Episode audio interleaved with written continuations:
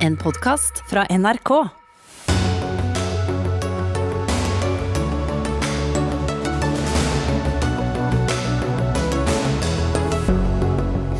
Et eh, forbud mot uh, profitt i barnehager nevnes ikke i den nye regjeringsplattformen.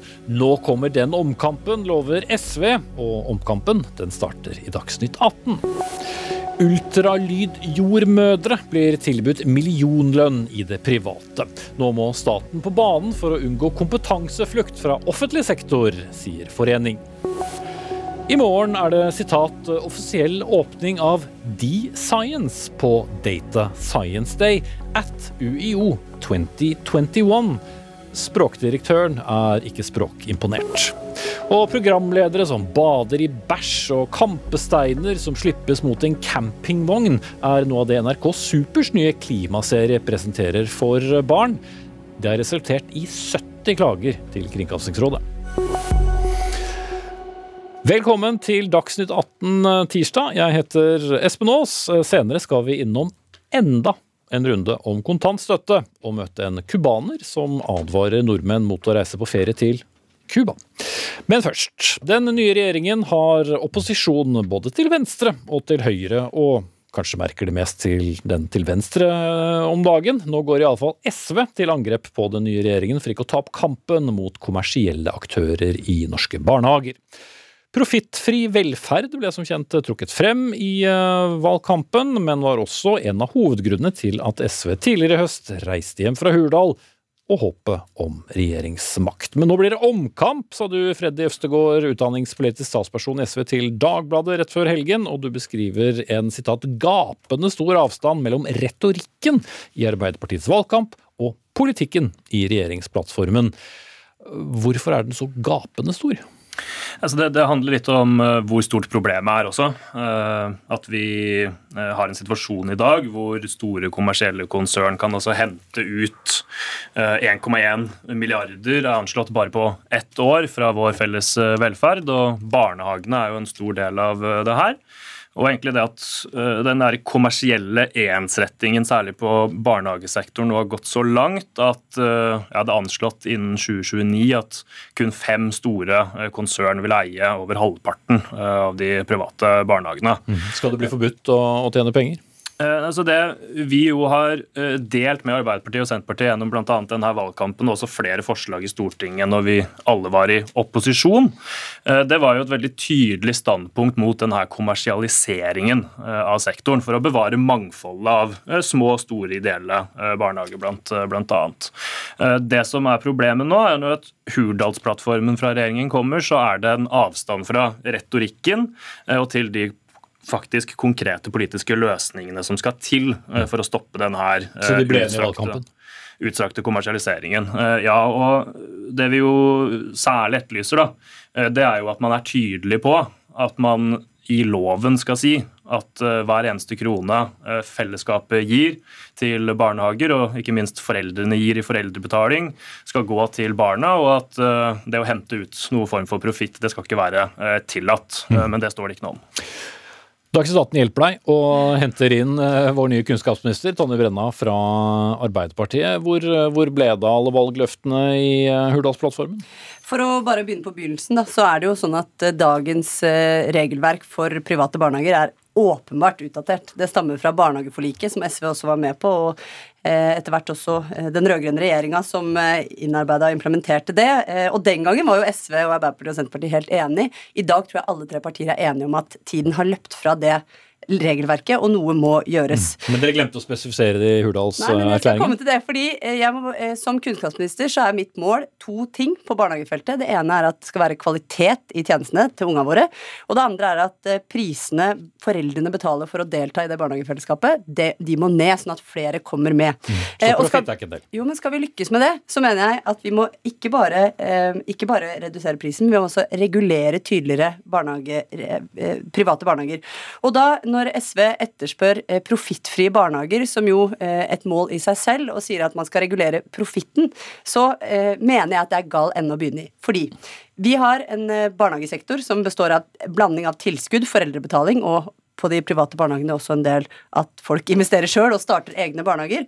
Og det er bedre å eh, ha strengere krav og føringer på tilskuddene man gir, og dermed hindre profitt, enn å gjøre det SV foreslår, da, som er å regulere profitten når den allerede har oppstått. Så mitt mål er også at vi skal ta ned profitten, opp kvaliteten og få flere inn i barnehagefellesskapet. Men, men det er jo disse store barnehagekonsernene som Østegård uh, viser til, og som for så vidt har vært en del av uh, de 900 diskusjonene vi har hatt om dette i i, i Dagsnytt 18. Eh, hvordan skal du da komme det til livs, eller begrense det? Nei, Vi må stramme inn reglene. Jeg er også veldig bekymra over eh, andelen eh, barnehager som nå er del av større konserner. Jeg er veldig bekymra for at stadig flere av de er i utenlandske konserner. Det er ikke bra for norske barnehager, fordi vi må ha både Vi må ha mangfold av barnehager, og vi må også sørge for at tilskuddene vi gir til barnehager, kan brukes til barnas beste. Det tror jeg ikke store internasjonale konserner som investerer i barnehager, har for øye. Så jeg er helt enig i virkelighetsbeskrivelsen virkelighetsbeskrivelsen. Men jeg mener at det vi må gjøre, er at vi må ha en full gjennomgang både av hvilke regler som gjelder, hvilke føringer som kommer med tilskudd, og strengere krav til at, eh, til at pengene skal gå tilbake og jobbe for barna og få bedre kvalitet i barnehagen. Så, Så der, kom, der kom, egentlig gjennomgangsordet. Vi må ha en gjennomgang. Men, men eh, Øvstegård, grunnen til at eh, det ble åpnet opp for så mange private barnehager, var jo fordi at det var en akutt mangel på barnehageplasser. Alle vi som hadde barn den gangen, husker det. Eh, hva blir konsekvensen hvis de som jo har gjort butikk ut av å drive barnehage, ikke lenger får drive butikk? Kan det ikke da være at de ikke gidder å drive barnehage lenger? Altså, vi er jo helt tydelige på at ideelle barnehager er et stort stort eh, pluss for, for denne sektoren. Mm. Men det er disse eh, kommersielle og, vi vel mest snakker om nå? Det er akkurat det. Eh, og, og da mener jo jeg og, og SV da, at kravet skal være tydelig. at pengene de må også holdes i barnehagen. De må gå til, og det, Dette handler om kvalitet. De må gå til bedre bemanning, de må gå til bedre eh, kompetanse, de må gå til bedre utstyr. Jo, jeg ser alle de tingene, men spørsmålet er jo, ja, Tror du da at de store uh, firmaene lenger vil gjøre det, når ikke de tjener penger for sine eiere som igjen er aksjonærer, som har investert i disse selskapene fordi det genererer penger til dem? Ja, og det, og det blir jo et, et, eh, et, spørsmål du må stille til de. Uh, jeg mener det er riktig fra fellesskapet sin side å si at de pengene vi bevilger til barnehager, barnehager skal gå til barnehager, og ikke til noe annet. Og så er det jo sånn at Den gjennomgangen da, som, som Brenna uh, etterlyser, den har vi allerede hatt. Nå har vi et uh, partssammensatt utvalg som heter Storberget-utvalget, uh, som altså har gått gjennom det her, hvor Utdanningsforbundet, KS, altså kommunene og flere parter har klart å bli enige, også de ideelle barnehagene, har blitt enige om en måte å regulere det her på for å hindre profitten. Og Det som er litt av problemet med Hurdalsplattformen, Eh, er jo at ikke engang alle de virkemidlene og anbefalingene de kommer frem til, er tydelig til stede i plattformen.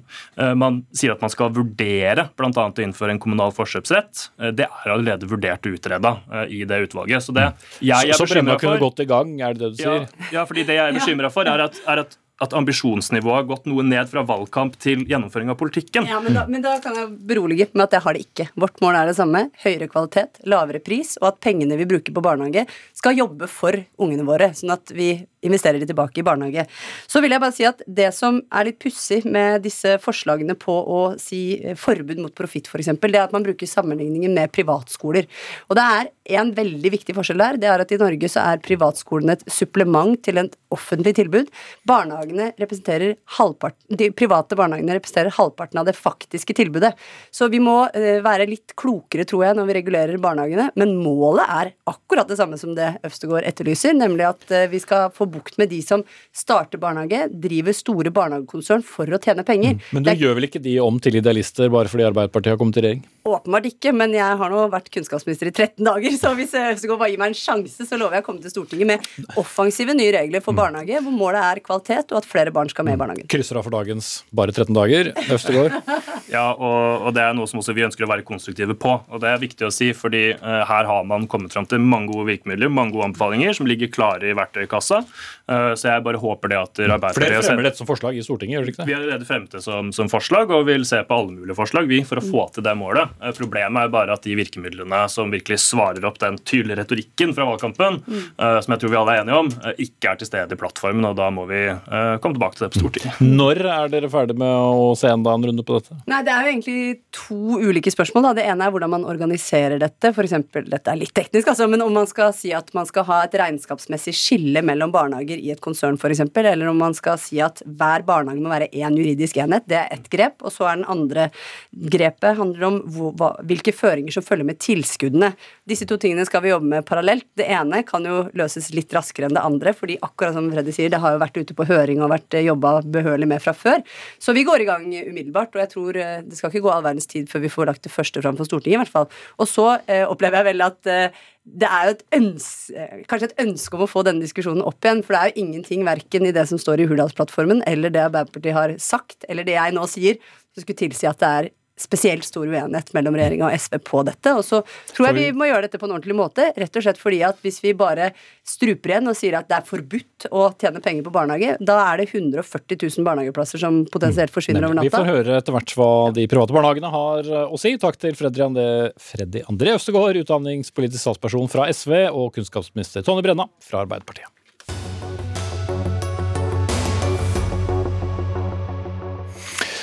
Private klinikker lokker jordmødre fra det offentlige med millionlønninger, skriver Vårt Land i dag, og det kan lett forsterke den allerede pågående jordmorkrisen, som vi har vært innom flere ganger her i Dagsnytt 18. Samtidig vil også den nye regjeringen utvide jordmortilbudet til både å dekke tidlig ultralyd og fosterdiagnostikk. Og Kari Aare, du er leder av Den norske jordmorforening, og selv 18 år bak deg i yrket. Hva vil denne utvidelsen uh, bety for uh, jordmødre som er en del av det offentlige tilbudet? Ja, så nå er det jo sånn at De vil få tilført flere oppgaver, uh, men det finnes kapasitet på ultralydjordmødre i offentlig sektor i dag. For veldig mange av de går i 50 %-stillinger og får ikke jobbe som ultralydjordmødre i 100 stilling. Men det er klart det at når de nå blir såpass attraktive på det private markedet og får tilbud om bedre lønn og arbeidsforhold, så blir det fristende for de å gå ut av offentlig sektor og gå til privat. Og da i ytterste konsekvens så kan du få en eh, situasjon der det offentlige ikke klarer å gi det tilbudet som Stortinget nå har sagt at, at de skal gi. Mm. Hvis vi skal eh, sette alt opp mot alt, eh, hva er det som gjør det mer attraktivt å, å jobbe i det private målt opp mot uh, en jobb som jordmor i det offentlige? Ja, altså Nå snakker vi primært om ultralydjordmødre, og det er klart at lønn er en veldig sterk faktor her. Eh, når de ser at de kan ha fått tilbud om opp mot én million lønn i det private, og det offentlige ikke klarer å følge etter. De verdsetter ikke ultralydjordmødrene med den kompetansen de har så blir det klart fristende å heller gå til det private. Og Her har det offentlige en veldig stor oppgave. De har valgt, eh, altså de har jo betalt eh, disse ultralydjordmødrene for å spesialisere seg. Det er en lang og veldig god utdannelse, faktisk unik i verdenssammenheng. Eh, og Da må de òg anerkjenne den kompetansen de har, og, og, sørge for at de blir i offentlig sektor. Det handler selvfølgelig ikke bare om lønn, det handler om arbeidsforhold og det handler om kompetanseutvikling. Mm. Arbeiderpartiet har lenge kjempet for å utvide da dette tilbudet med tidlig ultralyd og fosterdiagnostikk. Så sent som i august faktisk, så ble, ba de den forrige regjeringen om å skynde seg med den gjennomføringen. Og Lubna Jeffrey, stortingsrepresentant fra Arbeiderpartiet og medlem av helsekomiteen. Hvordan skal dere forene alle disse tingene, mens det offentlige altså lekker jordmødre til det private? Dette er ikke en eh, ny situasjon at eh, det offentlige lekker jordmødre til det private. Det har vært jordmormangel eh, i mange år, og dette har vært en varslet katastrofe som Arbeiderpartiet har vært veldig opptatt av. Den forrige regjeringen fikk også påpekning fra Riksrevisjonen på at det måtte gjøres noe på jordmormangel. Mm, men nå har alle sett dette skje, hva gjør dere? Nei, men Vi har jo, sånn, vi har jo ikke sittet med makten de siste åtte årene. Det Man kan likevel legge en plan? Absolutt, og det har vi. Og vi i vår plattform, i Hurdalsplattformen som regjeringen nå skal gjennomføres, så sier jo vi et par ting knyttet til dette. Det ene er at vi ønsker å gi sykehusene mer en økt grunnfinansiering som gjør at de kan ansette flere. Vi har sagt at vi ønsker hele stillinger, at det skal være hovedregelen innenfor helsetjenestene. Og de stillingene da, som er nevnt her fra Jordmorforeningen, med de 50% stillingene, de skal vi ha i 100 Og så ønsker vi også å nedsette, og det vet jeg at man jobber med akkurat sånn som vi snakker nå her, en helsepersonellkommisjon som skal se på eh, da, eh, hvordan helsetjenestene, utdanningsinstitusjonene eh, og partene skal gå sammen for å se på hvordan man klarer å utdanne og rekruttere og beholde kvalifisert personell. Og så skal vi også komme med en egen stortingsmelding knyttet til eh, fødsel og barselsomsorg. Så mm. dette er viktig grep for å øke andel jordmødre i Norge. Utredning å se på året. Hvor uh, mye er det egentlig å se på, siden vi har hatt beskrivelser av jordmormangel over lengre tid? Ja, jeg tenker at Vi må si vi er ferdig med å utrede og se på. Eh, nå må det tiltak til. Og Det er klart at vi, det er både en jordmormangel, og så er det jo da eh, nå eh, veldig attraktivt med ultralydjordmødre som har en spesialkompetanse. De må anerkjenne at de har det, og de må eh, lønnsmessig opp. Eh, altså Vi må rett og slett ha en eh, krisepakke for jordmor for å beholde jordmødre. Frem med pengene. Frem med pengene, og det med å hele tiden si at vi skal se på, vi har rapporter. Alt det der har vi, det gjorde den forrige regjeringen, og dette har vi hørt før. Eh, jeg tror ikke de skjønner eh, at dette kan vi faktisk ikke vente på. Og jeg tenker, eh, Når vi nå snakker om ultralydjordmødre og et nytt tilbud som, som, er bestemt at vi skal innføre, da må Arbeiderpartiet vise at de er ansvarlige og setter inn de tiltakene som, som skal til. Ferdig utredet, Jeffrey. Frem med penger til høyere lønn. Ja, altså nå er det slik at uh, Lønn det er noe som partene i arbeidslivet forhandler frem, og det gjør ikke vi på Stortinget. så det er Men dere bevilger? Det gjør vi. og det er, altså Vi har sagt at vi skal bevilge mer penger som jeg sa, til sykehusene bl.a., og også til primærhelsetjenesten, der mange jordmødre jobber i, i, innenfor helsestasjonssektoren osv. Men det er klart at uh, det er andre jordmødre også har vært aktive i denne debatten. Jordmorforbundet har jo også sagt at eh, det er fint at man kommer med mer penger, eh, men det som er problemet, er at ikke man har en helhetlig eh, fokus på fødsels- og barselsomsorgen i det som har kommet fra den forrige regjeringen. Nå har jeg vært stortingsrepresentant i én uke. Regjeringen har vært på i to uker.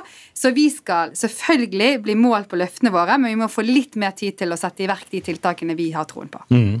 Det er vel her jeg sier dere har drevet politikk lenger enn en uke og to uker, da. Men uh, Åre, du peker jo hele tiden tilbake på dette med, med, med, lønningene. Og bare for å gi et bilde, da. Altså hvor mye er det da som, som skiller eh, det offentlige og private? Hvis vi legger bort disse 50 %-stillingene og de andre tingene, men hvis vi skal gå rett på det med, med pengene som har nevnt flere ganger? Ja, som sagt, En ultralydjommer har blitt tilbudt eh, langt over en million i det private, og i det offentlige så har de kanskje 600 000. Eh, det som er interessant, er jo at det offentlige nå liker å se på eh, det å være en bedrift. I alle andre områder gjør vi det. Og da er det jo òg etterspørsel og konkurranse, og her er det en etterspørsel etter ultralydjordmødre spesielt.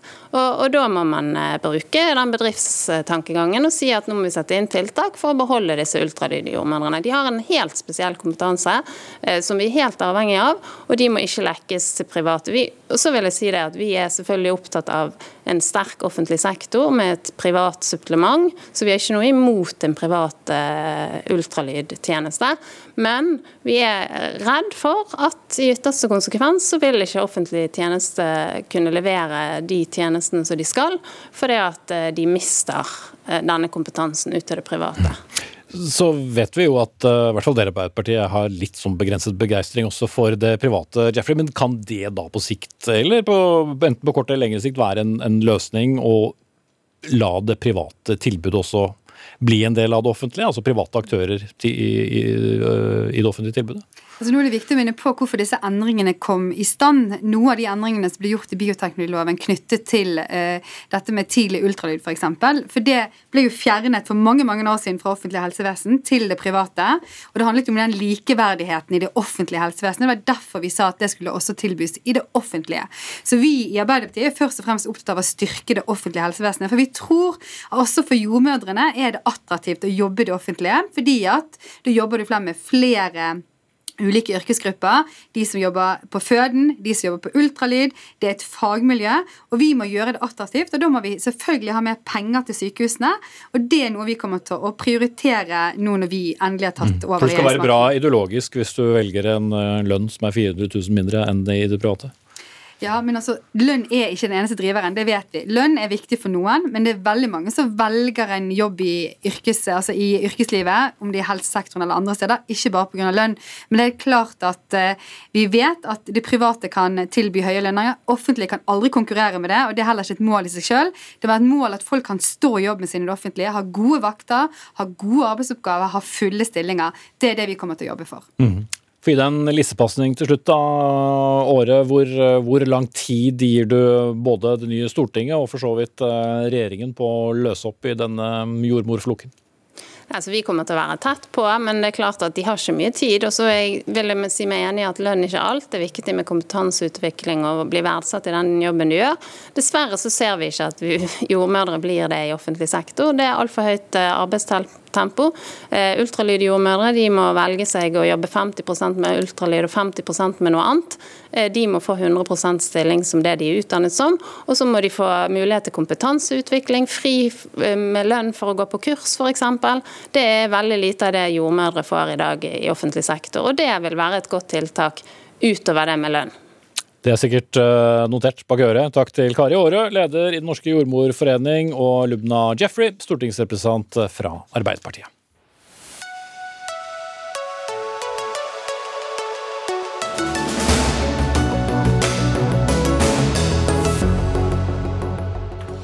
Serien fikk flere titalls klager før en eneste episode var vist. Mot slutten av sendingen diskuterer vi NRKs klimasatsing rettet mot barn, som beskyldes for å være skremmende. Men uh, om ikke skremmende, så ble det i hvert fall lagt merke til noen språklige formuleringer. For nok en gang er Språkrådet på kant med Universitetet i Oslo. I morgen åpner nemlig universitetet Senteret for data og beregningsvitenskap. Men det heter jo ikke det. Det heter D-Science eh, i ett ord, med liten d og stor S. Og hvis ikke det var nok, i kunngjøringen og åpningen av senteret så skriver eh, universitetet følgende, jeg siterer, offisiell åpning av D-Science på Data Science Day at UiO 2021. Litt usikker på hva som skal være engelsk og skal være norsk her. Hva slags purpose dette navnet har, skal vi spørre universitetsrektoren om snart. Men la oss begynne med deg, da også Vetås, eh, språkdirektør. Du harselerte godt over denne invitasjonen på, på Twitter uh, i går, men det var ikke bare humor. Nei, det var ikke det. Og det er jo ikke sånn at uh, Universitetet i Oslo fornærmer uh, Språkrådet. De fornærmer språkbrukerne og Eh, den eh, norske eh, språkpolitikken med å gjøre så umusikalske språkvalg når de har i oppgave å fremme og styrke og utvikle og bruke norsk språk. Og jeg vil jo si at for det eldste norske universitetet, som møter så mange norske borgere hver dag, alle studentene, så er det ekstra viktig å være et eh, godt forbilde og gi studentene språklige selvtillit. Og det er ikke et navn som Designs endra til å gjøre, er eh, eh, egnet til å gjøre. Ja. Svein Stølen, eh, rektor ved Universitetet i, i Oslo. Eh, skal, skal, vi klargjøre hvordan, hvordan, denne invitasjonen skulle sies? Nei, jeg tenker at Den overskriften er ikke uheldig i det hele tatt. Ikke sant? Den er dårlig. Men hvis man ser på resten av eh, invitasjonen som jeg leste etter at jeg så tweeten, så er den faktisk på et forbilledlig språk. I all beskjedenhet, ja. Og, den, den, og Det er ikke jeg som har skrevet den, men i tillegg så er det jo sånn at dette er et møte med 500-600 mennesker, mye næringsliv og flere enn 100 internasjonale. Allikevel så bruker vi norsk språk i store deler av dette programmet, fordi norsk språk er så viktig. Så jeg er jo helt enig. Norsk språk er viktig. Vi må jobbe med begrepene. Og det å snakke om data og beregningsvitenskap er det vi gjør. Dette er Senter for data og beregningsvitenskap, men, som er en god beskrivelse. Science i ett ord med liten d og stor s. Hva betyr det? Nei, dette er en forkortelse, og det kan man jo diskutere om er god eller ikke. Men senteret heter altså Senter for data og beregningsvitenskap, som jeg tenker er ganske beskrivende. Dette er jo to ganske forskjellige begreper som er ganske vanskelige, og som man har en internasjonal også, hva skal vi si, forskjellighet på de to begrepene. Og det dette senteret gjør, det er å prøve å, å merge disse Eller nå snakker jeg på engelsk til og med! Og, og, og koble disse to fagområdene og utvikle da en teknologi, en tenkesett, som kommer til å være veldig norsk, viktig for norsk næringsliv eh, videre framover. arbeidsliv. Mm. Men hvorfor design? Nei, Det tør ikke jeg å si. Jeg har ikke oppretta det senteret, så jeg kan ikke svare på akkurat det. Men jeg kan svare på at jeg er opptatt av norsk språk. Vi bruker norsk språk uh, uh, i det store og hele. Alle mine store taler, eller talene vi holder i aula osv., de foregår alltid på norsk, selv om det er mange engelske til stede. Jeg tror det er kjempeviktig at vi jobber med det norske språket, og det skal vi gjøre framover også ved Universitetet i Oslo. Ikke en uh, liten ensom D-Science-svale uh, her da, vet du? Hadde det ennå vært en ensom svale Nei, vi tåler ikke det. Og det handler rett og slett om at uh, her har Universitetet i Oslo som statsorgan en plikt til å ha navn som er norske. De skal være på bokmål og nynorsk. De skal være lette å forstå for uh, brukerne. Og dette går jo inn i en større sammenheng. Altså, vi har jo jeg har sittet her i studio flere ganger for å si det sånn, for å diskutere dårlige, uskjønnsomme engelske navnevalg med de største universitetene i Norge, som burde være de beste forbildene på dette området. Her finnes det en språkpolitikk som har virket lenge. Her er det en lov på trappene som Universitetet i Oslo selv i høringsuttalelsen i 2019 priste som et eh, svært eh, godt signal om en offensiv språkpolitikk. Og her er det Eh, veldig tydelige, offensive språkpolitiske erklæringer som peker på preferanse for norsk i, eh, i Hurdalsplattformen. Så de språkpolitiske pilene har over lang tid pekt i denne retningen. og det er i tillegg en, en, eh, en, plikt til å velge norsk i disse sammenhengene. Dette dreier seg jo ikke om forskning, det dreier seg om et administrativt navn okay. på en enhet. Stølen, er, er Språkrådet litt for konservativ? Jeg, jeg tenker at norsk er svært viktig, så vi er opptatt av å bruke norske navn. Vi har vært med å presse fram at livsvitenskap brukes på norsk istedenfor life science. Det var en stor diskusjon i tre år hvor folk spurte hva betyr det egentlig. Når vi lanserer framtidsteknologi på Kjeller, så bruker vi norsk. Og så er det noen ganger vi bruker engelske begrep fordi det er viktig. Og riktig, tenker jeg. Her så har vi altså et senter for data- og beregningsvitenskap. Det er et forskningssenter som skal utvikle ny teknologi, hvor en stor andel av de som jobber der og studerer der, snakker engelsk. Derfor må vi klare å kombinere både norsk og engelsk, og det er det vi jobber med. Ja, altså Navnet på senteret har jo ikke så veldig mye med forskningen å uh, gjøre. Det vi vet at uh, dreier seg om å tiltrekke seg uh, forskere og studenter, det er jo et godt fagmiljø og gode finansieringsordninger. Og de Science som navn på et norsk senter på et norsk universitet, det er ikke eh, noe godt nytt for norsk språk og for den språklige selvtilliten til studentene. Lettere å si, da. Jeg tenker at en, en kombinasjon av det engelske og det norske eh, fungerer for begge, begge eh, målsettinger. Vi skal tiltrekke oss internasjonale eh, partnere, internasjonale studenter. Jeg er selv på vei til Shanghai, i hvert fall digitalt nå, på slutten av uka. Det er klart at de møtene som er der, er på samme måte som at vi holder møter på engelsk, på engelsk også i Kina. Vi jobber med ulike land, med ulike språk. Dette foregår helt hele tiden. Vi må kombinere men, men hvor konsekvent er dere? Vi er ja, spørsmål Hvordan måler du konsekvens i, i, et slikt felt som dette her? Det er soleklart at 70% av våre publikasjoner er sampublisert med internasjonale forskere for mange ulike land, og du må da balansere dette hele veien. Jeg tror ikke jeg klarer å si ja, nei eller en prosentandel på konsekvent, men det er en balanse. Jeg understreker nok en gang at dette dreier seg ikke om forskning, det som jeg har tatt opp. Dette dreier seg om navn på enheter hos et norsk statsorgan. Det er ingenting i veien for at Universitetet i Oslo har engelske navn i tillegg på alle sine enheter på alle nivåer, det er helt greit og selvsagt veldig praktisk når en sam eh, samarbeider med andre deler av verden. Men det er eh, et, et krav at det skal være gode, klare norske navn. Vi eh, har et godt og klart norsk navn her. Data- og beregningsvitenskap. Nå skal jeg videre til et møte om Domus eh, Biblioteka, som vi skal utvikle videre. Det er et latinsk navn. Vi kommer til å leve i en slik eh, virkelighet hvor vi bruker ulike språk. Og så tenker jeg at vi skal ha norske navn. Det har vi her også. Still not impressed? Still not impressed. ok, vi får se om det blir flere språkdebatter rundt Universitetet i Oslo. Takk skal dere ha, språkdirektør Åse Vetås og rektor ved Universitetet i Oslo, Svein Støll.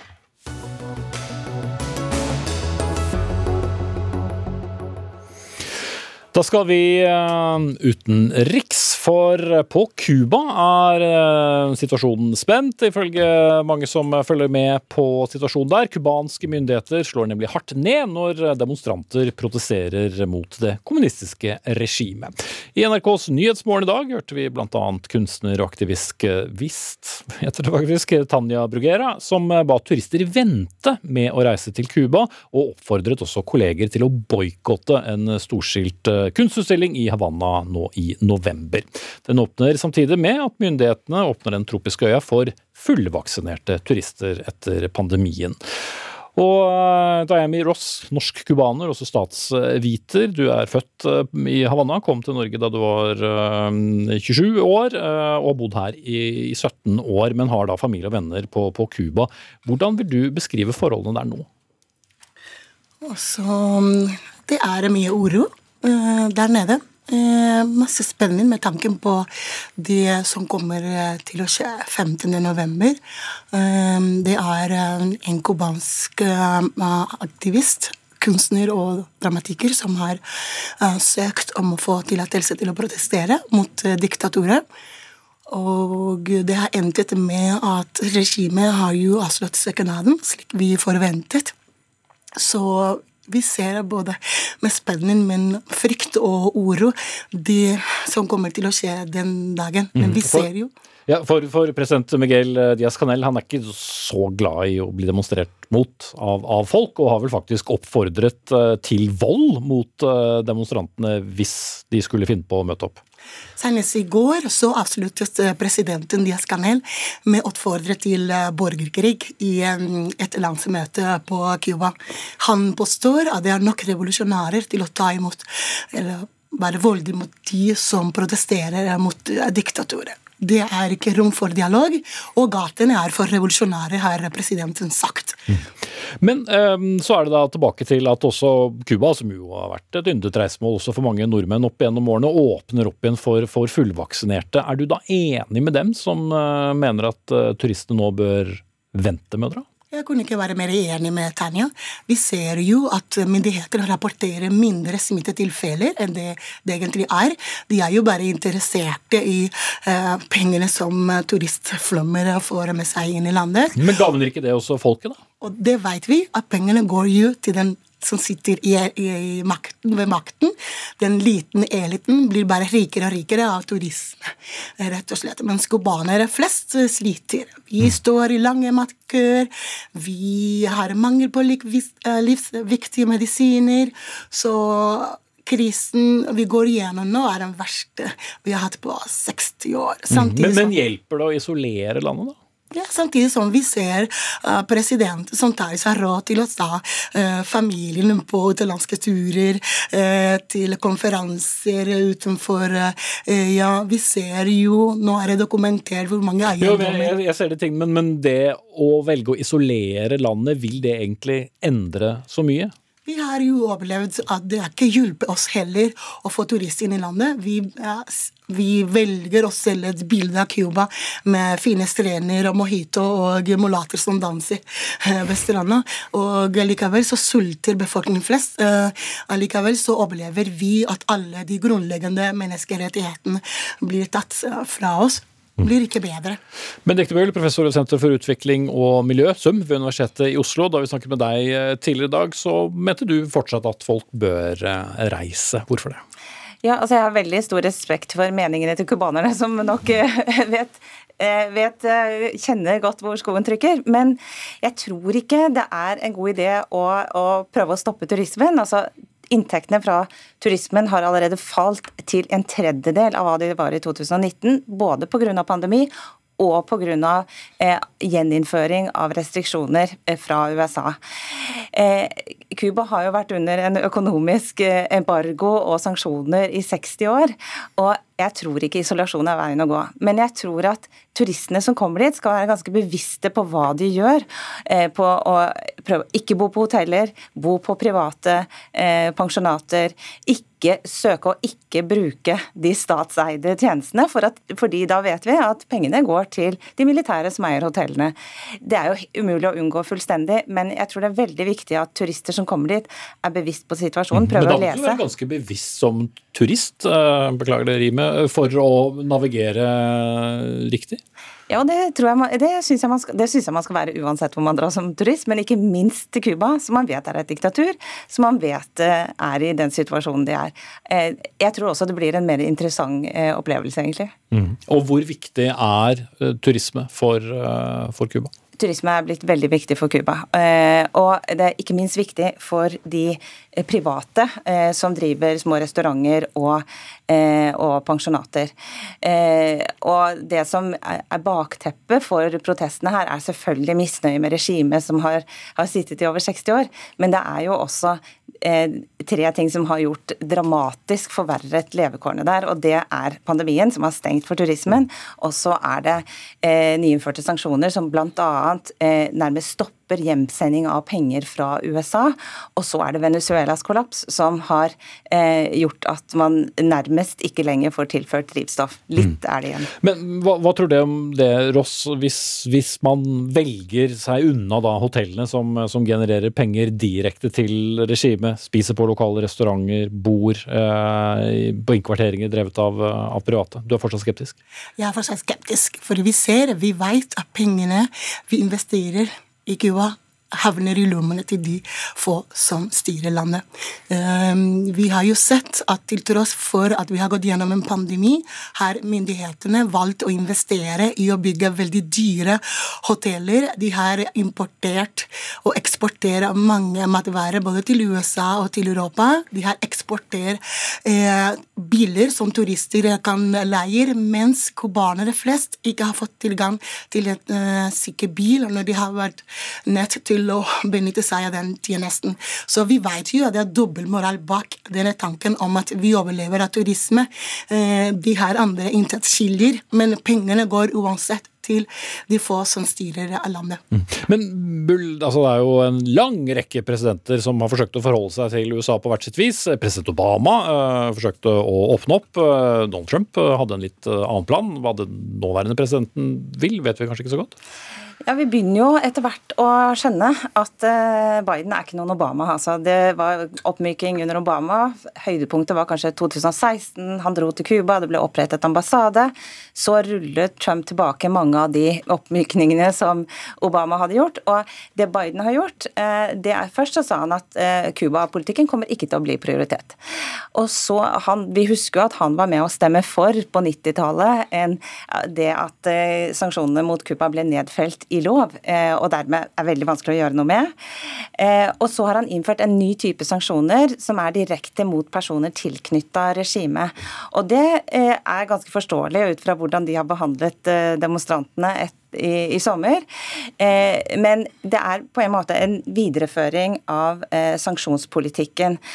Og han har ikke eh, opphevet de begrensningene som gjør at det er nærmest umulig å sende hjem penger til cubanere. Og det er jo penger som faktisk i stor grad går i lommene til cubanere flest. Så mm. Biden har så langt ikke vist seg som noen stor Cuba-venn. Tøffe forhold videre også, og mye spenning da rundt eh, denne bebudede demonstrasjonen om, om eh, kun kort tid. Vi får se hvordan eh, det går. Takk til Dami Ross, norsk cubaner og, og statsviter, og Benedicte Bull, professor ved Senter for utvikling og miljø, SUM, ved Universitetet i Oslo.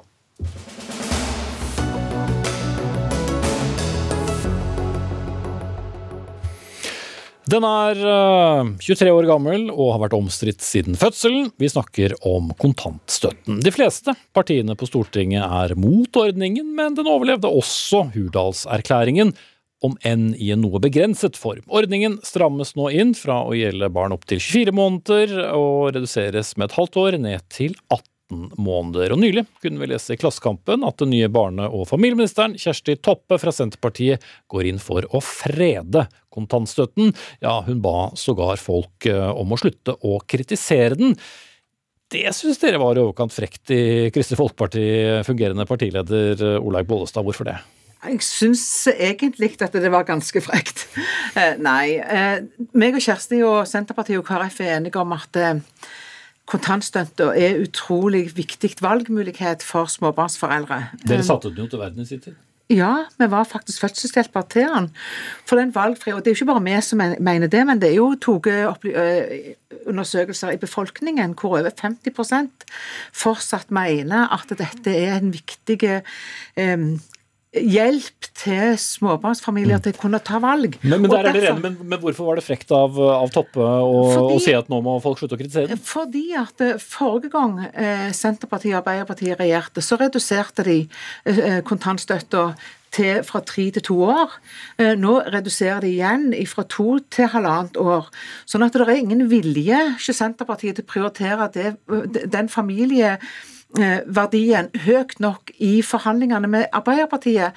Fordi Arbeiderpartiet gikk jo til valg på at de ville kvitte seg med kontantstøtta, og her fikk de faktisk en halv seier, eh, istedenfor at vi kunne fått en full seier til Senterpartiet. Om de hadde prioritert det sånn som vi gjorde. Vi prioriterte jo med andre partier i regjeringsforhandlingene at dette er så viktig for folk, og for folk flest, eller vanlige folk, at eh, det prioriterte vi høyest. Mm, vi må aldri glemme vanlige folk. Eh, Kjersti Toppe, barne- og familieminister fra, fra Senterpartiet. I deres program så sto det at dere ville videreføre kontantstøtteordningen eh, opp til eh, 24 måneder. Da ble det et eh, kompromiss, og så får Bollestad og andre være fornøyd med det, eller? Eh, ja, altså det, det ble jo et, eh, et kompromiss. Eh, det er klart at eh, i programmet vårt så har vi opptil tre år, eh, mens Arbeiderpartiet vil ha den, ha den vekk. Men det som eh, jeg tenker er veldig viktig, eh, og som da KrF blir provosert av, det er jo at eh, jeg mener at eh, nå må vi få en løsning og en eh, ordning for barnefamilier som ikke blir debattert og kritisert i det uendelige. Altså Jeg ønsker en ordning for barnefamilier der en kan få ro, forutsigbarhet. og Da er en nødt til å gå inn i noen eh, kompromiss. og Jeg håper jo at den løsningen som denne regjeringen har kommet fram til, er en ordning som kan stå seg eh, over tid. Men det vet du ikke. Jeg vet jo ikke, men eh, vi har jo gjort da justeringer mot de som eh, kritiserer ordningen. Nå er det jo da for eh, unger mellom 12 og 18 måneder. Jeg tror mm, Jeg håper jo at eh, flere ser at det er akkurat i den overgangen der at familier trenger litt ekstra fleksibilitet, og der kontantstøtten kan være Men det er ikke mye igjen. sånn. Seks måneder. Nei, men det er, det er nå seks måneder, og jeg tenker det er veldig viktige seks måneder.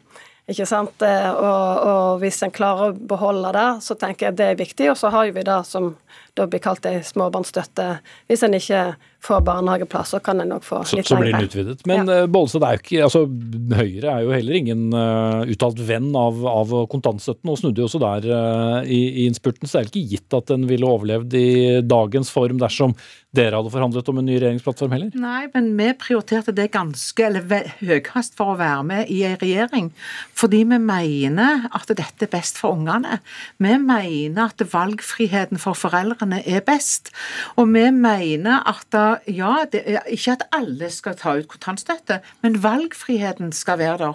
Og det jeg legger merke til, det er at Senterpartiet har gått på på en måte limpinnen til Arbeiderpartiet at etter, etter de seks månedene da, så er det arbeidslinja som gjelder. Og for oss er det ikke plent det det gjelder. Det gjelder faktisk at foreldre skal ha Unger er ikke like, så foreldre skal ha en valgmulighet til sine unger fra de er ett til de to år. Og hvis en ser på historien, så er det jo hver gang Arbeiderpartiet sammen med Senterpartiet har styrt, så har Arbeiderpartiet sine verdier vunnet fram i det. Og jeg skulle ønske at Senterpartiet hadde prioritert dette høyere, fordi vi er litt enige i sak. Men det nytter ikke å mene det hvis ikke du gjør det. Og det er jo det som er viktig for meg, at vi må mene og gjøre det. Et av argumentene fra Arbeiderpartiet Toppe er jo blant annet man har pekt på at det har vært dårlig for, eh, for integrering. Er dere enig i det? Ja, så Det var jo eh, Senterpartiet sitt forslag som fikk gjennomslag eh, sist vi satt i regjering. Det var ikke noe som Arbeiderpartiet eh, vant fram med. Det var vi som foreslo å kutte fra tre til to år. Eh, og det var jo nettopp fordi at eh, ja, vi tok på alvor den kritikken mot at det kunne virke hemmende for integrering. Og Da tenker vi at eh, eh, da reduserte vi den til to år, og enda prioriterte høyere betaling eh, for, for, for de yngste den gangen òg. Men i dag så er jo, mener jeg, integreringsargumentet iallfall svekka, fordi en nettopp har eh, gått ned i, i alder. Eh, Og eh, nå må jo en være bosatt i, i fem år i Norge for å få kontantstøtte. Og da mener jeg at det integreringsargumentet er nå iallfall noen kan hevde at det er det fremdeles, men eh, da tenker jeg at eh, her eh, er det veldig gode argument for å ha en god ordning for småbarnsfamilier, sånn at en kan velge å ha den fleksibiliteten akkurat rundt ett års alder. Hvor mye verdi er det når det er så lite igjen av den? Poenget for KrF er jo ikke at flest mulig skal bruke den. Poenget er at vi skal ha en valgfrihet for familiene. Og KrF er overtydelig også på at vi kan ikke skyve innvandrere, kvinner og familier foran oss. Det er jeg enig med Kjersti fordi det er sånn at det er helt andre midler som må til for å hjelpe kvinner og lære kvinner språk og ut i arbeidslivet enn kontantstøtten. Og vi kan ikke bruke den som argument for å kutte for alle andre som òg ønsker å være med og ta gode valg for ungene sine. Og det er det som er poenget for meg. Det er ikke hvor mange som bruker den. Det som er Poenget er at det skal være vi For det er jo ikke så mange som bruker den. Nei, men vi må faktisk tro at det, familiene sjøl kan velge. At det ikke er sånn at staten vet best. Staten vet når mor skal ut og jobbe, staten, eller far. Mor, staten vet best. Hender staten mener den vet best om likestilling, da? Ja, men likestilling det er jo ikke, det er jo ikke gitt at det er mor som skal være hjemme. Ærlig talt, jeg har fått fire unger. Det er jo ikke gitt at det, det jeg skulle, skulle, gå hjemme. Jeg skulle Nei, men Statistikken tyder jo på at ja, mor er hjemme. Da, da har vi en jobb å gjøre på likestillingsfronten. Da kan vi ikke bruke kontantstøtte for et likestillingsverktøy. Kontantstøtten er et gode for ungene våre for å få lov til å være i sammen med sine foreldre hvis foreldrene mener det er best for deres unger. Og jeg mener foreldrene vet det mm. best. Mm. Toppe, bruken av kontantstøtte har jo gått ned etter hvert som ordningen har, har, blitt endret, men er det gitt at man må beholde den hvis det nå viser seg at denne seksmånedersløsningen med mulighet for forlengelse ikke er så etterspurt? Eh, jeg mener at det er veldig viktig å, å beholde den, eh, slik at foreldrene kan få et eh, større valg. Og jeg mener at det er Jeg tror at det er mange foreldre som har behov for å Eh, velge litt ulikt eh, når en ønsker at barna skal begynne i barnehage. og Nettopp der kan jo kontantstøtten komme inn. En kan bruke den i en måned, i tre måneder eller et eh, halvt år, eventuelt lengre, lenger. og Da får en en, en, ekstra støtte fra staten, slik at det kan bli et tilbud. og så er det jo Men, men valgfriheten er vel ikke så stor, for nå handler det egentlig om at det er jo mer enn nå blitt en, en venteordning mens du venter på barnehageplass. Når barnet da er halvannet, så er det barnehage, eller så får du finansiere selv at barna er hjemme. Nei, Jeg reagerer på at en kaller hele kontantstøtten for en uh, ventestøtte, og at en mistror mistrur på en måte foreldre. At det er ingen der som faktisk uh, ønsker og mener og vurderer at det er det er best for den familien at en er litt mer hjemme og utsetter barnehagestart litt. sant? Og Det er noen som bruker det som en ren ventestøtte, men det finnes òg familier som bruker den på den måten det er tiltenkt. Og Det som er poenget fra vår side, det er jo at vi vil ha dette her mangfoldet sammen med at eh, barnehagene blir billigere, så, så gir en, en barnefamilie en, en, økt fleksibilitet og større støtte. Det er jo valgfriheten du snakket mye om da, Bollestad, men blir det noen konsekvens av at nå enda flere barn sannsynligvis da, går i barnehage fra de er eh, halvannet enn å, være hjemme til de er to? Det skulle jeg ønske at foreldrene kunne ha valgt. Det er det som jeg mener er hele poenget her. Men går de glipp av så mye? Det gjør de jo, for de går jo glipp av den tida som det halve året, den forutsigbarheten. For når den siste halve året blir en ventestønad eller en eh, småbarnsstønad, så er det jo Hvis du får beskjed om fredag at mandag har en barnehageplass for dere andre unger så har sagt opp, så blir det ganske uforutsigbart òg for småbarnsfamiliene. Det har jeg lyst til å si. Men jeg må si én ting til, og det er at eh, Kort. du spør om, om eh, det kan være fare for å utrydde holdt jeg på å si, eh, kontantstøtte. Det er klart at Støre har jo satt døra på gløtt for SV.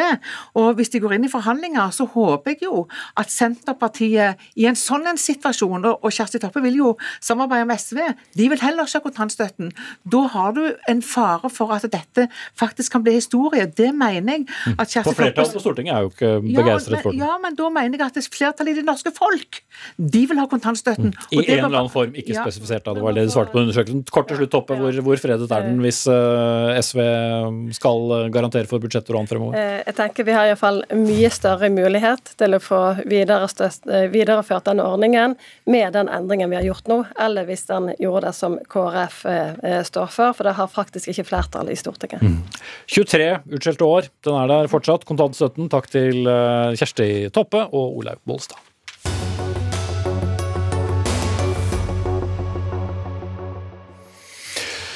Så skal vi her i NRK snakke om en eh, NRK-serie som eh, veldig mange har eh, klaget på. Ja, så mange har klaget på denne serien at den nå skal opp i Kringkastingsrådet. Halvparten har klaget på den før den i hele tatt har gått på lufta, men det handler om NRK Supers nye serie Ikke gjør dette mot klima. Dere som følger sendingen på TV, ser nå noen bilder av et steinras ned mot en campingvogn, og en campingvogn som da blir eh, knust. Og dette skal da illustrere hva som eh, kan bli konsekvensene av eh, klimaendringer. Og en klage, klager unnskyld, skriver at barn vil få angst og unødvendig bekymring av å se serien. Og Signe Horn, generalsekretær i Voksne for barn, dere har også reagert på disse virkemidlene. Hva er det som blir feil her? Ja, Først så har jeg lyst til å si at eh, NRK Super er jo de som gjennom historien har vært flinkest til å adressere sånne viktige samfunnsspørsmål. Og klimasaken er jo superviktig. Uh, og så lurer jeg på om uh, NRK Super nå har tatt litt mye Møllerstran. Når det er bæsj og kakerlakker og knuste campingvogner og F-16 som flyr over, så er det mulig at man tenker at vi klarer å lage så mye effekter, og nå tar vi alle sammen i bruk.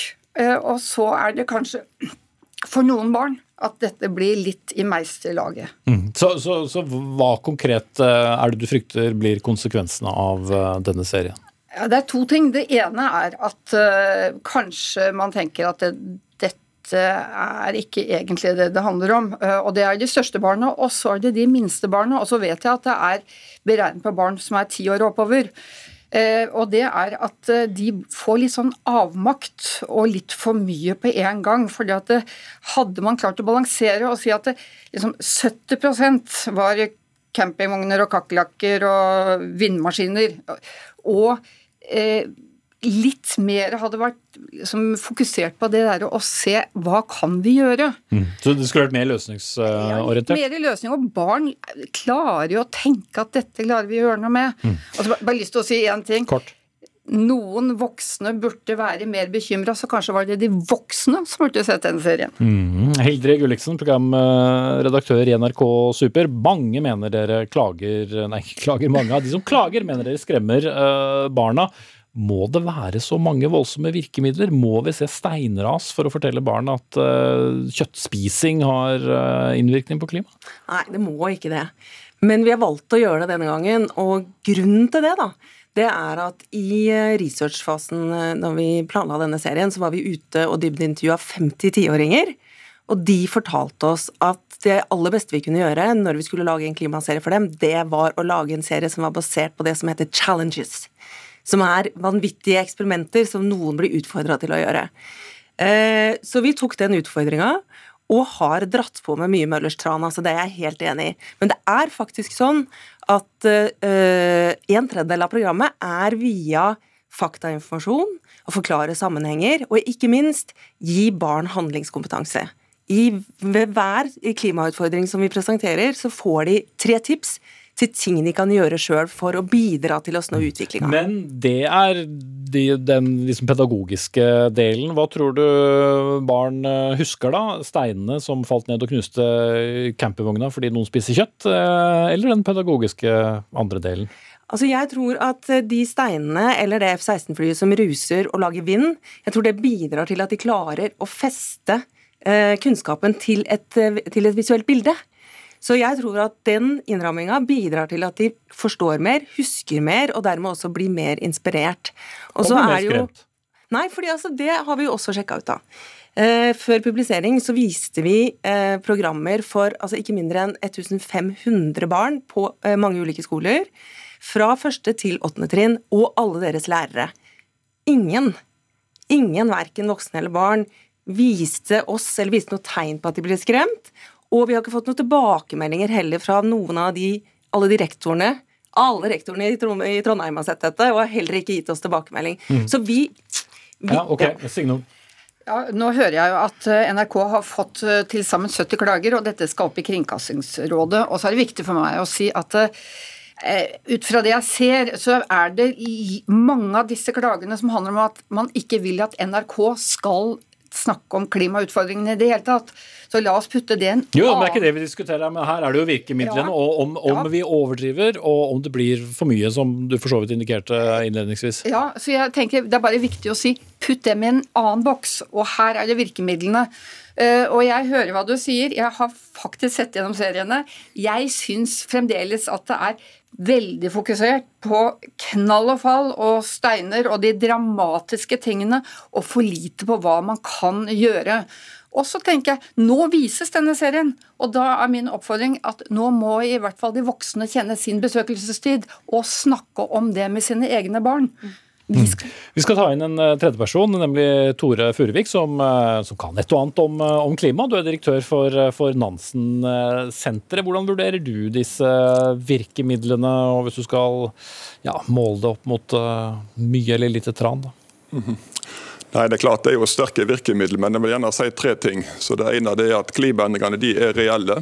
Så Våre utslipp av CO2, metan, lystgass fører til at jorda blir varmere.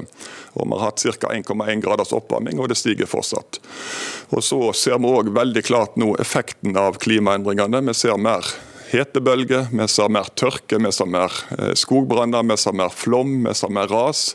Vi ser styrtregn i byene, vi ser oversvømte kloakksystem, oversvømte kjellere. Og vi ser at nye arter kommer inn, f.eks. nye fiskearter, nye insektsarter, nye dyrearter og nye plantearter. Så, så fra et klimafaglig ståsted så er det ingenting galt med serien.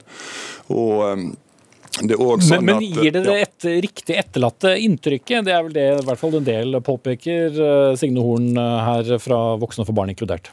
Eh, Det er klart Hvis Ungarn eller andre får oppfatning av at eh, de nærmest daglig blir utsatt for ras eller utsatt for eh, vind, vinder som blåser campingvogner vende eller det kommer kloakk i gatene, så er det klart at det er jo et feil inntrykk. Men alle disse tingene de vil nok komme til å skje en eller annen plass, sånn at det blir mer av den type hendelser. Så, så jeg tenker, jeg har sett et par av seriene, eller et par av eh, episodene i dag, og jeg tenker egentlig at det er gode virkemidler, for det viser ting som kan skje. Det forklarer veldig godt at det er ting som kan skje, det er ikke ting som vil skje til enhver tid. Og så tenker jeg også at det er ganske god opplysning som viser at det som en gjør, det, den kjøttet en eter, eller de reisene en tar, eller det som en handler, det er med å påvirke klimaet. Så jeg syns egentlig det var en ganske god serie. Mm, eh, før Gulliksen får uh, vise sin begeistring over det, hva ville du gjort annerledes da, fra, et, eh, fra ditt ståsted som, som, som forsker? Det er klart, Når jeg formidler til eh, voksne, så vil jo ikke jeg bruke sånne virkemidler. Men jeg tenker at for unger så er det med altså bæsj og promp og tiss altså det er jo ting som fenger unger. så det er klart at Jeg tror nok at serien er med og gjør at det, det når inn til flere, og at de husker mer eh, at det er et type ekstremvær som vi vil kunne få med klimaendringer. Så jeg tenker egentlig serien er fin. Mm. Eh, 70 klager skal behandles av Kringkastingsrådet førstkommende torsdag. Det opprører jo en del disse virkemidlene også. Er det, er det gitt at dette fungerer etter hensikten? Nei, altså jeg tenker Alle barn er forskjellige, så jeg kan jo ikke sitte og påstå at ingen blir engstelige av dette. Men, men, det er viktig for meg å si at vi gjør veldig grundig research på målgruppa vår når vi lager innhold. fordi at vår intensjon er jo ikke å skremme, men det motsatte, nemlig å gi dem håp og gi dem handlingskompetanse. Det er kanskje det aller viktigste. Og så må jeg si at det er en veldig sånn lett, hyggelig, humoristisk stemning gjennom programmene. Så det er, ikke, det, er ikke, det er ikke skummel stemning, det er ikke dveling ved katastrofen i det hele tatt, men det er energi, det er mye tran. Det er energifullt og artig, og det er viktig, fordi at hadde det vært det motsatte, så tenker jeg da hadde det vært mer skremmende for de yngre barna, kanskje. Mm. 45 av de 70 klagene kom jo da før serien hadde gått på lufta, men det hadde vært et innslag om serien på, på Dagsrevyen, da, som jo har mange hundre tusen seere. Kan det virke som det er eh, en del voksne som er mer skremt enn barna? Resignoren? Ja, Det tror jeg åpenbart. Jeg satte meg ned og så den, øh, og helt enig i at den er god. Øh, Jeg skulle likevel ønske meg at man hadde balansert dette litt mer og tenke at dette kan vi søren meg gjøre noe med. Øh, Og så øh, vil jeg liksom rose NRK Super, som faktisk tar det opp. Det er bra. Vil dere gjøre det annerledes neste gang, eller har dere funnet formelen? Kort. Du, vi gjør alltid alt neste Nei, alltid alt annerledes neste gang. Eller i hvert fall en god del. Sånn er det. Mm.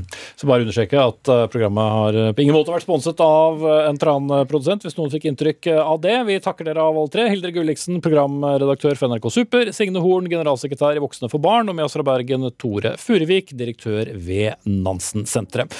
Det var Dag Dørum som hadde ansvaret for innholdet i denne sendingen. Eli Kyrkjebø tok seg av det tekniske. Jeg heter Espen Aas. Ny sending er på plass i morgen. da med Sigrid Solund.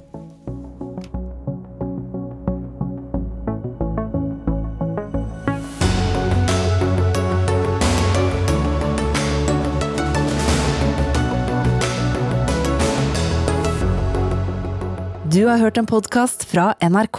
Hør flere podkaster og din NRK-kanal i appen NRK Radio.